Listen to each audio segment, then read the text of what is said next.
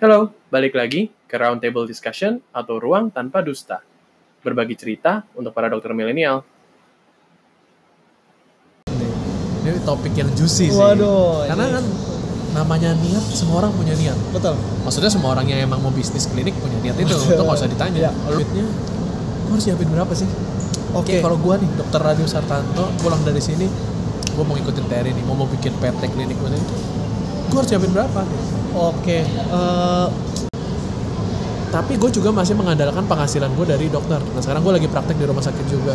Nah gue selalu mikir gimana kalau sewaktu-waktu gue nggak bisa praktek lagi. Nah itu kan otomatis lo udah nggak ada passive income. Lo ada karena kalau praktek itu kan active income ya. ya. Lo nggak kerja lo nggak ada duit. Iya Nah, betul. mungkin itu yang mau lo capai kali dari klinik betul ini. ya. betul. Selain dari memang passion lo itu. Iya. Eh, kalau menurut gua ya, eh, dokter itu ya kalau tadi yang seperti dokter Agus bilang kalau misalnya nggak praktek ya nggak menghasilkan. Iya, karena itu active income. Betul. Kita profesional. Iya. Begitu kita di rumah, ya kayak kayak driver grab lah, driver grab. Kalau nggak kerja ya nggak ada duit. Iya betul. Kita kayak gitu. Lu pergi liburan nih. Ah. Selama lu liburan itu Lo keluar duit. lu keluar duit tapi nggak ada yang masuk. Iya, lu keluar terus. Tapi kalau lu punya klinik pada saat lu keluar pun memang dengan eh, notabene lu ya mengeba, eh, mengesampingkan klinik lu untuk selama liburan dua minggu itu, tapi lu balik pun setidak-tidaknya kalau cuan ya sekali lagi kalau cuan kalau tidak ada masalah income lu bertambah. Iya. Nah, itu Dia sih. pada intinya. dasarnya bisnis lah ya. Iya, pada dasarnya itu. bisnis. Oke. Nah, sekarang ngomong ke yang agak agak menarik. Nah, Apa tuh? jadi buka klinik ini kalau lu mau jawab dengan singkat ya gue selalu nanya pertanyaan singkat padat di akhir Oke. akhir akhir podcast jadi jawabnya cepat ya Ya. ada tiga pertanyaan yang pertama yang simpel nyesel nggak jadi dokter Enggak. Enggak. pertanyaan kedua tolong coba kita walk down the memory lane kayak ini tuh butuh berapa lama sih untuk klinik lo jadi ini butuh berapa lama Oke, kalau untuk butuh berapa lama? Ini cukup lama ya eh, untuk dari lu ngurus sampai keluar izinnya itu nggak nggak cepet, nggak cepet beneran nggak cepet ya. Jadi eh, waktu itu gue lagi selesai koas untuk menunggu selama eh, mau masuk ujian UKM PPD. Nah itu setelah teng gitu gue udah selesai koas, gue langsung ngurus tuh izinnya. Ya. Oh, yes. Iya. eh, jadi waktu itu gue berpikir ya ya pasti ya selesai lu UKM PPD, lu internship, ya kan waktu jalan terus ya. Lu mau ke mana nih arah tujuan hidup lu lah gitu ya. Jadi gue karena eh, ada passion di kesehatan, terus gue juga ada passion misalnya di bisnis. Ya jadi gue mix aja yang ketemunya apa nih misalnya kayak begitu ya pasti eh, klin, eh, ya klinik. ujung-ujungnya klinik gitu ya. Eh, jadi makanya gue selesai koas udah ah, nggak usah istilahnya lama-lama lagi gue langsung ngurus aja izinnya gitu itu nunggu berapa lama tuh dari pengurusan sampai dibilang oh iya dokter Terry udah bisa buka klinik itu berapa lama kira-kira oke itu yang pertama ya eh, lu bisa buka deh di eh, di Google aja deh gitu Nah, Google. Eh, sy- syarat prasyarat untuk membuka klinik nanti keluar tuh ma- masing-masing daerah lu mau di Jakarta di Tangerang atau di Depok nah setelah itu ya seberapa cepet lu ngumpulin persyaratan yang eh, diminta atau eh, yang menjadi syarat mutlak untuk buka klinik Oh, nah oke. Ah, Oke, setelah di tahap itu lu udah kumpulin, lu baru nyerahin ke dinkes. Nanti sama dinkesnya, ya itu uh, lu nunggu gitu loh. Uh, kapan mereka mau misalnya survei dulu. Misalnya kalau berkas lu udah masuk, terus mereka minta waktu untuk survei.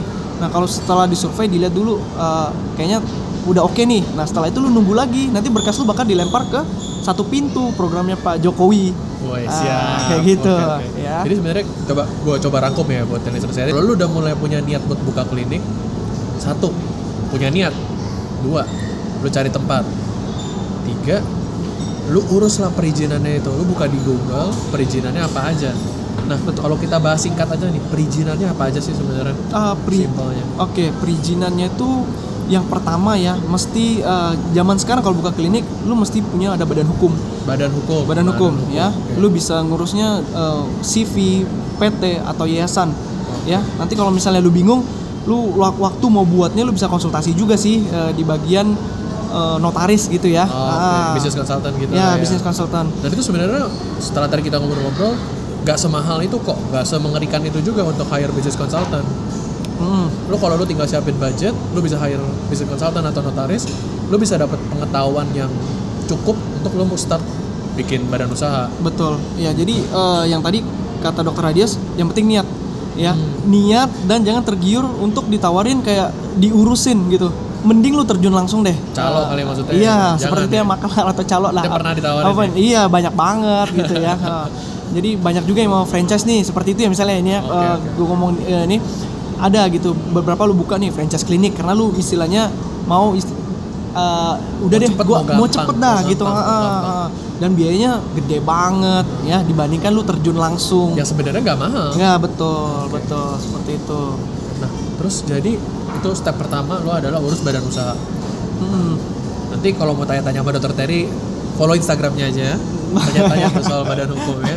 Ya badan hukum sih kita tahu emang ada tiga jenis tadi itu ya. Iya.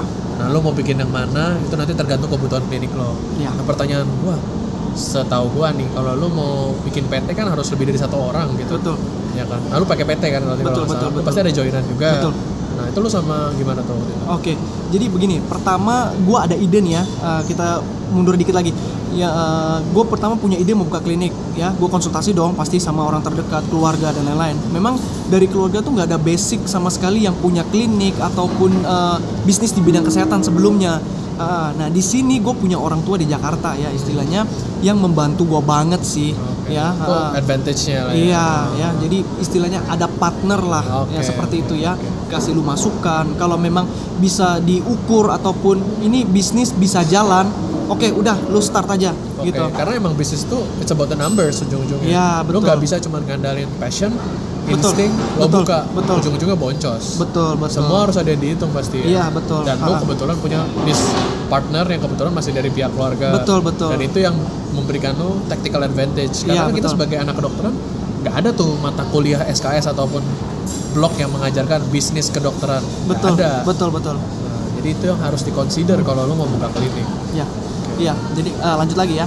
Eh, jadi gua bareng sama orang tua gua ya yang di Jakarta itu kita eh, coba deh eh, maju dulu setelah udah didapat nih syaratnya apa aja misalnya tadi harus ngurus CV PT dan lain-lain kita konsultasikan semua ke notaris apa istilahnya eh, untung ruginya pasti ada ya eh, plus minusnya lah seperti itu udah udah kita dapat ya selanjutnya tahap berikutnya pasti tempat Oke. tempat ya lu mau punya istilahnya bangunan sendiri mau Tanah sewa sendiri iya ya. dan lain-lain ya Eh, yang kedua eh, yang berikutnya maksudnya yaitu lu mesti siapin lah sekat-sekatnya seperti Ah, itu ya layaknya ya. betul layaknya udah seperti eh, klinik atau tempat praktek dokter lah Yang lu itu. mau, yang lu mau iya iya itu semua terserah lu tapi yang wajib ada ya pasti tempat pendaftaran yang kedua tempat eh, praktek dokternya ya ada ruang tindakan ada pojok asi terus kalau entar lu mau lebih eh, expand gede misalnya ada dokter giginya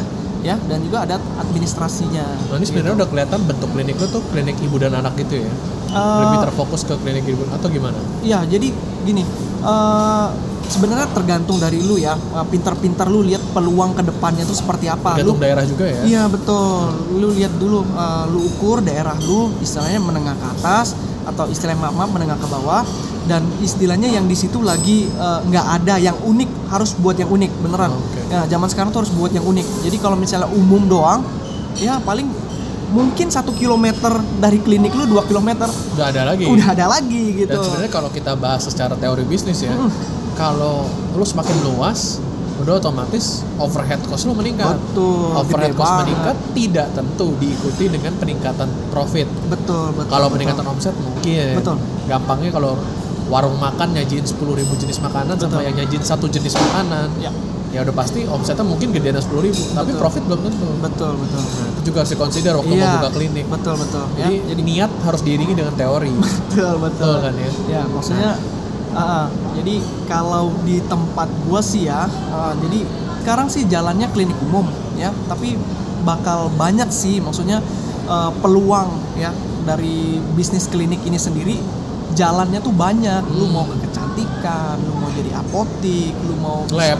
lab dan lain-lain. iya betul untuk hemodialisa banget. Ah. itu semuanya eh, Bisa. bisa Dibantu dengan badan hukum. Badan Balik hukum. lagi ke pertanyaan tadi, emang kenapa kalau membuka klinik harus ada badan hukum? Ini jawabannya. iya Dengan adanya badan hukum, kalau menurut Terry tadi kita Hmm. ngobrol, itu adalah suatu investasi ya. betul betul betul Karena dengan itu lu bisa buka apa aja. betul betul Apa aja itu dengan tanda kutip sesuai poin yang Poin tertuang yang tertuang. di eh, badan badan hukum eh, ini lu ya usaha lu tentunya dan cukup luas ternyata ya. Iya. Tadi itu yang tadi sempat bilang, lu dari satu badan hukum itu lu mau buka apotek bisa, lu mau buka klinik kecantikan bisa. Jadi Betul. simulasinya gampangnya kalau lu udah membuat suatu badan hukum, tiba-tiba temen lo ada yang punya ide, ter, gua mau buka klinik kecantikan nih. Terry akan bisa dengan sangat mudah join ke gua aja. Kita buka bareng. Karena pasti yang mau buka klinik kecantikan butuh badan hukum kan. Betul, betul. Gak mungkin dia ujung-ujung buka. Nah pertanyaannya kalau misalnya, aduh gua nggak mau ribet-ribet ter, gua mau praktek sendiri aja gitu di rumah. Itu itu itu anak buka klinik gak sih? Oh beda beda ya. Hmm. Jadi kalau misalnya kita sering lihat ya, maksudnya dokter praktek. Ini kita ngomongnya eh, di luar dari Rumahan klinik. Ya, oke. Kalau lu orangan, perorangan, atau lu ngajak beberapa temen ya dokter untuk praktek, eh, bisa bisa sih. Itu namanya eh, dokter praktek mandiri. Nah, beda ya Beda jadinya. beda. Hmm. Izinnya pun beda. Hmm. Kalau di klinik eh, lu mesti ada izin yang tadi ya harus ada badan hukum, lu harus ngurus eh, izin kliniknya sendiri Oke. ya dari dinkes Dan itu dari lo PTSP. menjawab ke dinkes. betul Menjawab betul ada koneknya lebih luas lah Oke. dinkes PTSP tapi kalau misalnya lu dokter praktek mandiri itu cuma eh, apa simpelnya lu cuma butuh SKDU namanya surat tuh keterangan SKDU? domisili usaha Oh surat keterangan domisili usaha. Iya, itu iya. lo dapet dari mana tuh? SKDU? oh biasanya sih minta RT RW seperti Oh, itu udah segampang itu, lu Iya. tinggal ke RT RW lu, lu dapetin SKDU, lu bawa ke mana suratnya? Betul. Eh, ini biasanya nanti jadi arsip lu sih sebenarnya Arsip kayak gitu. Ma, arsip lu sendiri gitu. Heeh. Kalau misalnya nanti ada istilahnya diminta eh, ini sudah ada ininya nggak Oh, legalitasnya, oke, oke, oke. lu usaha di daerah Ya, sini nggak? Kayak KTP lah ya. Iya sebenarnya maksudnya sama sih kayak lu usaha mau buka usaha dagang bangunan, Lontong tempat sayur. makan ya kayak begitu. Istilahnya harus ada izin. SKDU. Iya istilahnya Oke. orang eh, yang berwenang setempat lah RT RW seperti itu. Oke, kalau balik lagi sih sebenarnya intinya kalau lu mau buka yang simpel kayak praktek sendiri di rumah, sesimpel itu lu Simpel, cari SKDU. simpel. Tapi ini menjawab lagi ke depan kenapa lu harus buat PT dan CV untuk badan hukum itu ya itu jawabannya Betul. supaya lu makin luas Betul. dan klinik lu bisa bergerak dengan lebih leluasa Betul. benar banget nah oke syarat pertama cek udah ngerti nih pendengar kita berikutnya syarat apa lagi Eh, syarat berikutnya tadi udah izin ya, Izin udah. dari yang istilahnya badan hukum. Heeh. Nah, yang kedua itu eh, fasilitas ya, fasilitas sekat, terus istilahnya alat-alat medis kesehatan lainnya ya yang mesti lu udah siapin waktu lu lagi praktek lah seperti Oke, itu oke, ya. oke. Ya, kursi, meja, iya, kursi, bed. meja, bed dan lain-lain ya. Eh, toilet Toilet, oke.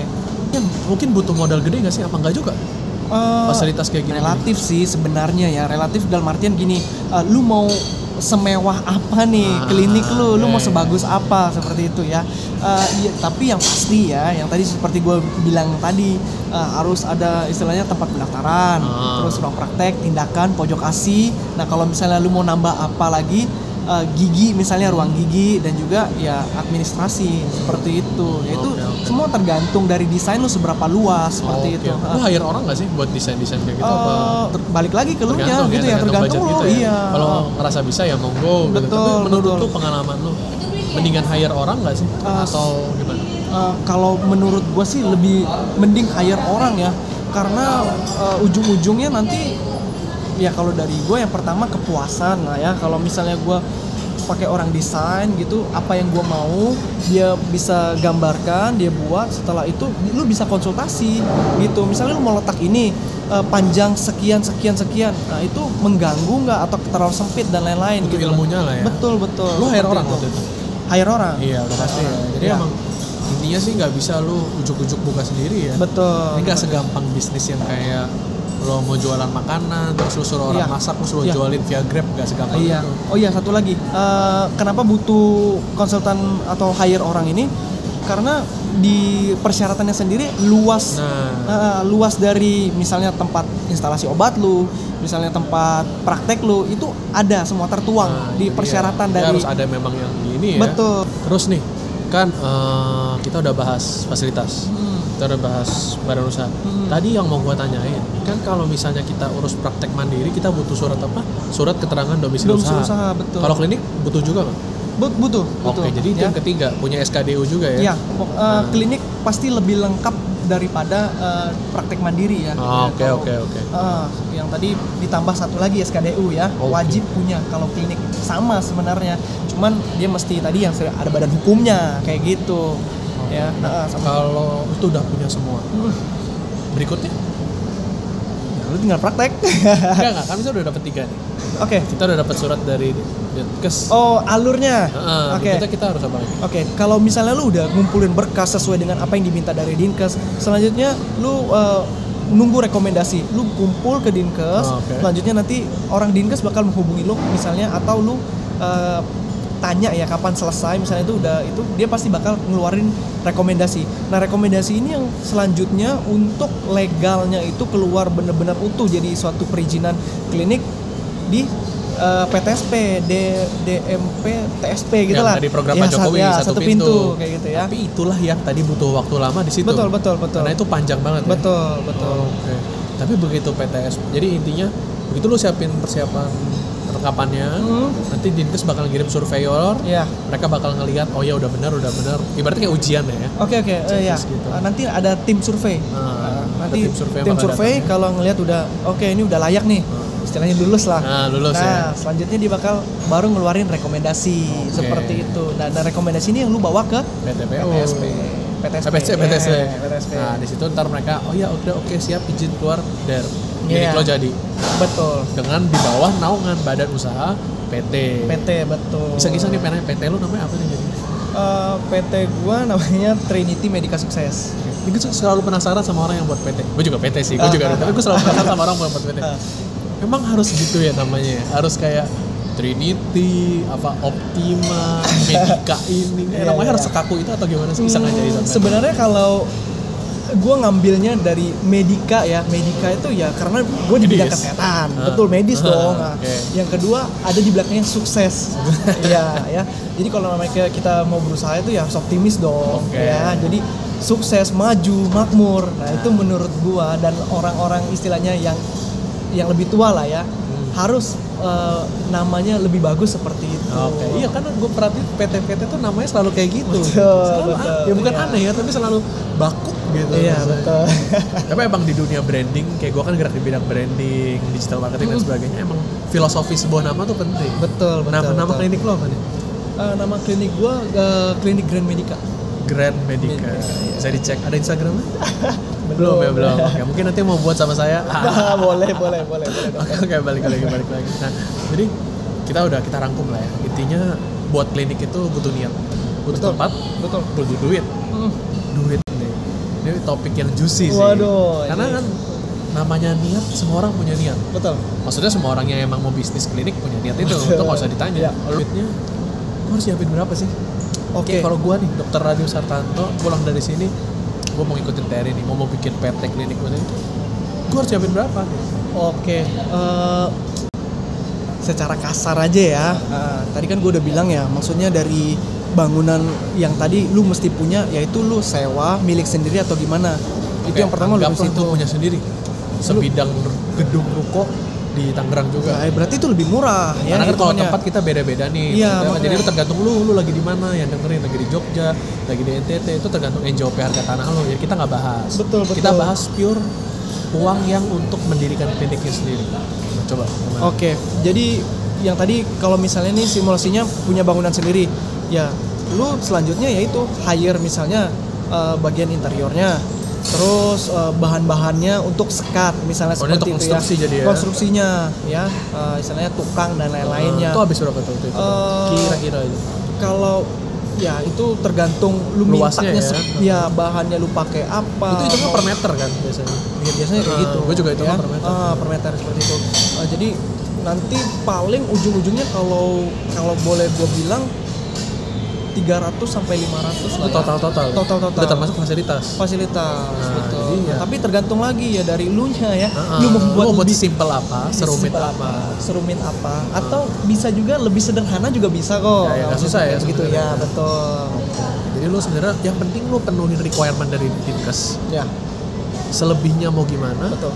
Misalnya dia nyuruh 3 bed, lu mau bikin 10 bed. Oh, iya. Ya itu balik ke lu lagi. Tapi Iya. modal yang harus siapin adalah sekitar 300 sampai 350 juta itu lah ya. Iya. Plus minus ya. kasar ya, kasar, Kasar ya. sekali ya. Iya. Nah, kita ngomongin duit.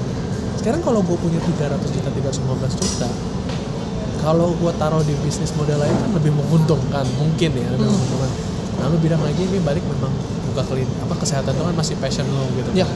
nah menurut lo setelah menjalani selama ini nih Hmm. ada penyesalan gak sih menaruh uang segitu banyak 300-350 juta karena kan gak semua dari audiens ataupun gue nggak punya tuh uang segitu banyak untuk kita Ya. spend tapi kalau nggak punya tempat lo ada penyesalan gak sih Oh enggak, karena niat gue dari awal, ini niat ya, niat gue dari awal itu memang punya klinik dan gue kembangkan. Ini gue nganggapnya sega- sebagai aset sekarang. aset ya Ah, aset, aset sebagai sekarang. Dan Nah, sorry, gue potong ya. Ya. Buat pendengar kita yang nggak tahu bedanya aset sama liability, ini ilmu finansial dikit. Kalau aset itu, kalau kita diem ya, dia akan tumbuh dan tumbuh dan akan memberikan penghasilan. Misalnya positif cash flow, atau dia akan nanti kalau kita jual harganya naik. Nah, yang orang sering salah kaprah adalah nggak semua yang lu beli, nggak semua yang lu simpen itu aset. Contoh mobil, mobil itu bukan aset, itu liability karena harganya akan turun. HP juga, kecuali HP lu ngasilin duit online shop. Iya. Nah, lanjut lagi ya. Jadi menurut dokter Terry secara definisi ini akan terus tumbuh dan akan menghasilkan dia positif cash flow. betul. Nah, kalau gue mikirnya kenapa gue mau buka klinik kalau gue, karena gue mau punya positif cash flow. Artinya di mana gue suatu saat gue nggak kerja, gue dapet cuan. Waduh, waduh. Gimana gimana? gimana? Itu kalau gue. Iya, Gimana iya. kalau dokter Terry? Eh, maksudnya gini ya, gue buka klinik itu bukan semata-mata karena gue pikir bisnis uang, bisnis uang, enggak Oke. ya, oke. Good, good. Ha-ha, ya jadi karena memang ya tadi itu gue jujur gue itu tidak suka istilahnya atau gue senang hal baru, Senang hal baru. hal baru bisnis dan juga kesehatan. Jadi dokter Terry bosenan nih orang. Ya, Gimana Ter? Cewek lu denger gak nih? lanjut lanjut. nah jadi maksud maksud gue di situ gue eh, jadinya jadiin klinik ini ya penyaluran passion dan juga bisnis gue yang Oke. pasti pelayanan lah ya Oke. seperti itu. Jadi enggak Jadi balik lagi ke Trinity seorang dokter ya. Iya betul ya eh, soalnya kalau misalnya lu buka tempat makan, lu buka eh, Dagang, dagang, sembako. iya itu udah pasti Cuan. cuan, betul. Lu pasti ngejar cuan. Nah kalau di sini ya gue itu ya tadi yang pertama ya gue nyalurin passion gue. Ah, Hal yang baru gue suka bisnis Oke. ya dan gue juga mau pelayanan kayak gitu. tapi fair nggak kalau gue bilang sebenarnya dengan buka klinik penghasilan pasti akan bertambah. Kalau kalau cuan ya. Mhm. Gimana menurut tuh gimana? Eh, ya itu dia. Kalau menurut gue ya kalau bisa, bisa, aja sih kalau mau, mau buka praktek pribadi ya seperti itu. Cuman ya balik lagi tujuan gue itu gue mau expand bisnis dia, gue expand ya, expand ya. gue ya dan ini tadi balik lagi gue bilang ini aset. Aset gue dalam artian gue bisa buka mau ke mana aja nih. Luas kok. Luas Eh, banget ya. luas Tadi ya. kita bilang karena dia PT. Iya, luas ya seperti itu. Kalau misalnya praktek mandiri, kalau menurut gua eh, lu butuh waktu, butuh waktu dalam artian dari mulut ke mulut dong pastinya Ya. ya seperti itu. Nah, kalau dari klinik ini lu bisa istilahnya eh, kalau misalnya menurut lu di tempat lu ada peluang eh, selain untuk pelayanan umum seperti itu, ya lu bisa membuka apa nih misalnya pelayanan untuk eh, kecantikan, terus lu mau buka jual beli obat seperti itu Soalnya luas kan kayak kita tahu secara peraturan dokter tuh nggak boleh iklanin dirinya. betul Nggak mungkin kan lu pasang iklan IG ads di Instagram lu, sponsor dokter Terry Lim spesialisasi sirkumsisi menggunakan laser nggak boleh. Oh iya, tangkap, Pak. boleh ditangkap. Lu ngelanggar apa tuh kalau di ini tuh ngelanggar kode etik atau ngelanggar Iya. moral lupa deh pokoknya lu ngelanggar tuh. Cuman kalau klinik boleh kan? Eh, boleh boleh contoh RH klinik eh, sorry aduh nyebut nama. Contoh beberapa klinik kesehatan klinik kesehatan kecantikan. Kan mereka pasang iklan. Ya bener kan jadi sebenarnya tidak salah bahwa untuk sebuah klinik mengiklankan dirinya kan? waduh. Nah, gimana nih? Eh, wah kalau ini masalah ini Masalahnya ya, susah juga ya? susah juga ya Ah. gue nggak tahu ya. Tapi kalau eh, gue nggak tahu ya kalau klinik-klinik yang tadi istilahnya beberapa itu mengiklan- mengiklankan itu jujur misalnya gue nggak nggak paham maksudnya sampai mana nih batas Eh, secara hukum. batasan Ini batasan. hanya sama konsultan Nah, tanya sama kons- konsultan sih seperti itu. Nah, cuman kalau gue pribadi sih, ya gue nggak nggak belum nggak sampai arah sana belum sampai arah sana. tapi sebenarnya poinnya adalah kalau lu dengan klinik you're a business bener gak sih betul. sedangkan kalau lu praktek sendiri lu masih tetap seorang profesional betul. Jadi kalau sebenarnya menjawab lagi ke masalah cash flow tadi, dengan lo punya klinik, eh, selain itu memang passion lo ya, Hmm, lo juga bisa jadi punya suatu bisnis yang lo bisa kembangkan, ekspansi. betul, betul. Dan yang kalau dari sisi gua, kalau bisnis lo udah berkembang, di mana-mana bisnis kan tujuan akhir ya. pasti mau otomasi tuh di mana lu tinggal pun tanpa lu harus praktek di tempat itu pasti lama-lama dia bisa menghasilkan generate profitnya sendiri Iya. bener gak sih? Aset Kalau- ya. iya dong kalau namanya bisnis kan seperti itu ya. Iya. kayak contohnya orang yang punya kalau kita lagi di Holy Cow Central Park di Stick Hotel. Jadi makanannya enak banget. Thanks by the way. Nah, itu jadi kan pasti di- yang punya udah nggak di tempatnya. Misalnya yang punya mau buka cabang di tempat lain mau buka di mana-mana. Dengan dia punya PT dan punya klinik itu segala macam eh punya naungan itu dia bisa ekspansi dengan lebih mudah dan akan menghasilkan income tanpa dia harus ada di satu tempat terus menerus betul nah mungkin klinik kayak gitu kali sebenarnya ya Iya, eh, jadi mungkin tahu lah ya beberapa klinik ya, mau klinik pelayanan umum, kecantikan dan lain-lain banyak ya. Kalau kita tahu misalnya cabangnya di mana-mana, bahkan di luar kota ya, eh, di satu Indonesia seperti itu. Nah ya, jadi eh, kalau misalnya lu punya eh, PT seperti ya eh, untuk klinik lu ya. Nah, seperti yang Dokter Radius bilang tadi, ya, lu cuman butuh eh, penanggung jawabnya di beberapa tempat itu seperti itu. Itu keuntungannya sih. ya lu bayar orang lagi lah Iya, bayar dokter betul. lagi Iya, sebagai penanggung jawab lah Ah, di satu di klinik lu misalnya di daerah dia mana. jadi pegawai lo sudah hitungan pegawai lah ya Ya, gue lebih suka nyebutnya mitra sih. mitra Iya, oke oke oke mitra ya ya. beda lo ya beda sorry sorry yang satu belum pernah buka klinik soalnya mitra ya oke oke balik lagi. Biasa biasa. Sibuk sibuk. Nah jadi kalau misalnya udah ngomong segini panjang nih dalam mengurus kan tadi kliniknya udah jadi nih sekarang. Ya. sekarang ngomong ke ngurus kliniknya sehari-hari ya. Ya. ini FYI buat yang dengerin ya. Eh, Dokter Terry ini salah satu bintang tamu yang kita susah ketemunya loh nih. Karena karena sibuk banget sibuk Aduh. banget. Harus diingat bahwa dia ini sekarang lagi interjep tapi ini juga punya kliniknya. Nah jadi sebenarnya sekarang yang diurus dalam kliniknya ini pasti banyak banget ya.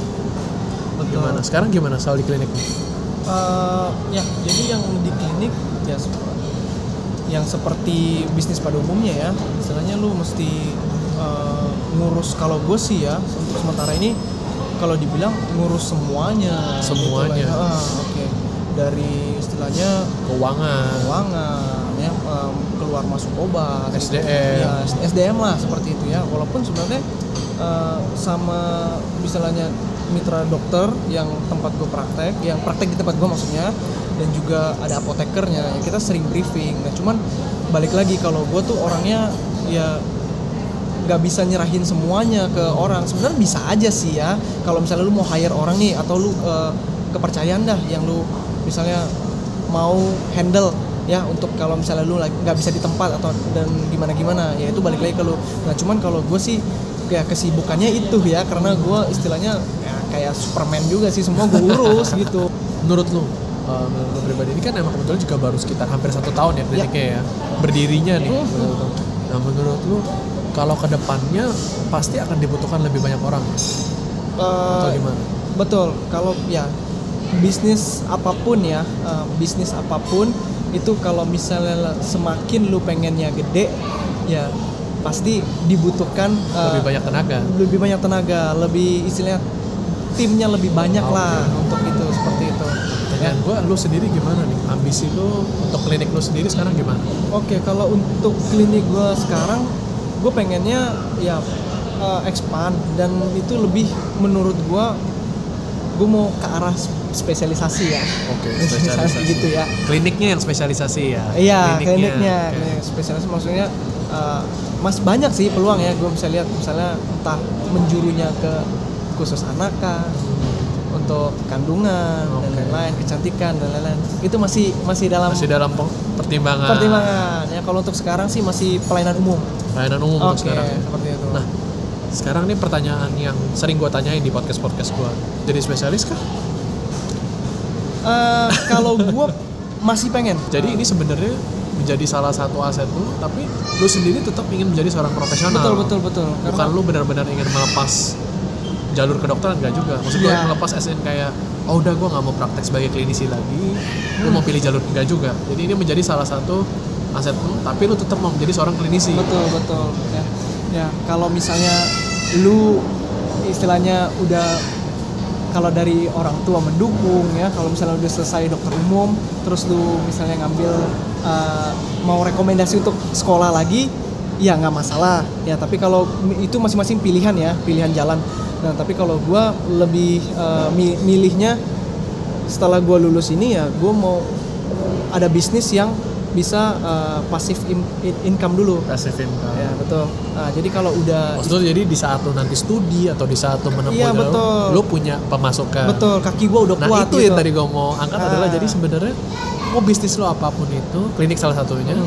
yang paling penting itu adalah itu akan mendatangkan mengenerate passive income Ya. supaya pada saat kita nanti studi Ya. ataupun saat karena kita pasti harus membuat nikah ya, udah punya Betul. ce- udah punya cewek kan, by the way. Betul. Nah, ya kita udah mikirin nikah kan nggak mungkin kita selamanya mengandalkan pasangan atau nggak mungkin kita mengandalkan orang tua terus menerus. Betul. Di sinilah klinik itu ada. Betul. Jadi di saat lu studi, kita tahu di sini pendidikan spesialis kan belum tidak seperti di beberapa negeri yang memberikan gaji, malah Iya. kita mungkin harus membayar uang segala macam. Maksudnya untuk ininya untuk eh, uang semester dan Uang sebagainya. semester. Nah di situ kan kita nggak ada masih- penghasilan, Iya, masih minta lagi lah. masih minta lagi. Iya. Nah di sini lu nggak mau. Iya, gua Ah. gua eh, menurut gua ya tadi ya kaki gua kuat dulu nih dalam Ah. tanda kutip istilahnya gua ada passive income dulu baru istilahnya gua lanjutin studi gua gitu loh. Tetap tetap ada tetap kepengen, ada Pengen lah ya. spesialis ya. Artinya lu mirip-mirip gua. Soalnya di episode sebelumnya kita pernah ngomongin apa sih qu- quarter life crisisnya dan lu sekarang maunya apa gitu. Iya, betul. Ya itu sebenarnya kita maunya kita berdua mau hal yang sama. Betul. Kita berdua mau tetap menjadi seorang klinisi, Ya. ketemu pasien. Tapi the same time kita maruk.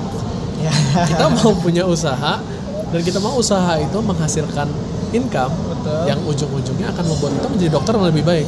Iya. Bener gak sih? Betul, betul. Karena logikanya kalau lu udah nggak mikirin finansial, Betul. maksud gua nggak mikirin SN kayak lu punya foundation yang kuat, Ya. lu kan bisa berpraktek lebih baik. Mungkin dengan memiliki passive income itu sendiri, kita jadi lebih percaya diri. Betul. Kita lebih bisa untuk mempraktekkan ilmu kita. ilmu betul betul jadi ya itu balik lagi ya tadi kalau misalnya lu udah udah selesai S1 ya lu PTT mau dapat rekomendasi mau sekolah lagi orang tua lo mendukung ekonomi lo mendukung Ah, lu mau sekolah juga itu pilihan ya semua pilihan nah balik lagi masing-masing orang nah kalau gue yang tipenya tadi seperti gue bilang gue mau ada bisnis pasif income income dulu nah begitu gue ada ya target gue sih sukses di bawah 30 dalam artian Wow. dalam artian ya maksudnya eh, kan spesialis sampai 35 ya. Ya, Ya. jadi eh, jadi menurut kalau dari dari gue sih udah bisa jalan klinik gua ataupun apa yang gua geluti bisnis ya.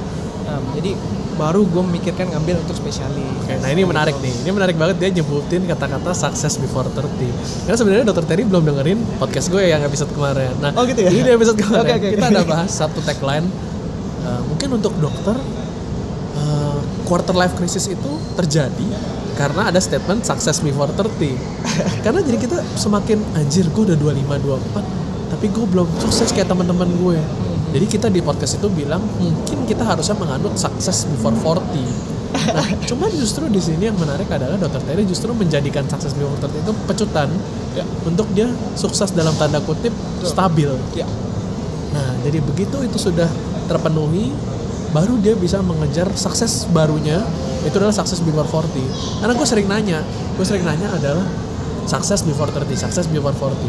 Artinya kalau lu udah sukses, dan Ah, apa? Ya pasti lu Iya, harus bikin betul, goal baru kan? betul, betul. Nah itu yang maksudnya mungkin lu ini kali ya, lu anut. Jadi lu Iya. ingin, lu membuat short term goalsnya, sukses before 30, lu mau punya passive income ya. dari klinik ini. Hmm. Jadi nggak yang cuman lu praktek sehari karena jujur kalau kayak gue, walaupun gue punya usaha yang geraknya di bidang non medis, tapi gue juga masih mengandalkan penghasilan gue dari dokter. Nah sekarang gue lagi praktek di rumah sakit juga. Nah gue selalu mikir gimana kalau sewaktu-waktu gue nggak bisa praktek lagi. Nah itu kan otomatis lo udah nggak ada passive income, lo ada karena kalau praktek itu kan active income ya. Ya. Lo nggak kerja lo nggak ada duit. Ya, Nah, betul. mungkin itu yang mau lo capai kali dari klinik Betul, ini. ya. betul. Selain dari memang passion lo itu. Iya. Eh, kalau menurut gua ya, dokter itu ya kalau tadi yang seperti dokter Agus bilang kalau misalnya nggak praktek ya nggak menghasilkan. Iya, karena itu betul. active income. Betul. Kita profesional. Iya, Begitu kita di rumah, ya kayak kayak driver Grab lah, driver Grab. Kalau nggak kerja ya nggak ada duit. iya betul. Kita kayak gitu. Lu pergi liburan nih. Nah. Selama lu liburan itu Lu keluar duit. lu keluar duit tapi nggak ada yang masuk. Iya, lu keluar terus. Tapi kalau lu punya klinik pada saat lu keluar pun memang dengan eh, notabene lu ya mengeba, eh, mengesampingkan klinik lu untuk selama liburan dua minggu itu tapi lu balik pun setidak-tidaknya kalau cuan ya sekali lagi kalau cuan kalau tidak ada masalah income lu bertambah Ya. nah, itu Ya, sih pada intinya. dasarnya bisnis lah ya. Iya, pada Seperti dasarnya itu. bisnis. Oke. Nah, sekarang ngomong ke yang agak agak menarik. Nah, Apa tuh? jadi buka klinik ini kalau lu mau jawab dengan singkat ya. Gue selalu nanya pertanyaan singkat padat di akhir Oke. akhir-akhir podcast. Jadi jawabnya cepat ya. Ya. Ada tiga pertanyaan. Nah, yang pertama yang simpel. Nyesel nggak jadi dokter? Enggak. Enggak. Pertanyaan kedua, selama ini jadi buka klinik ini cuan bocuan? Eh, cuan. cuan dan akan cuan karena tadi gue bilang itu cabangnya banyak. Bener. Iya, Dan bener. emang balik lagi kalau lu mau cuan harus ada hitungannya. Betul. Jadi lu kalau lu yang tiba-tiba niat buka klinik gara-gara dengerin podcast ini atau emang lu udah punya niat lama, ingat niat harus diimbangi dengan pengetahuan. pengetahuan betul. Karena semua itu harus ada hitungannya bener ya. Ya, betul. Gak mungkin lu buka klinik eh, berdasarkan insting tuh kayaknya Iya, betul. hampir betul. mustahil ya. Betul, betul. Ya, pertanyaan ketiga nih. Ya, siap. Oke. Oke.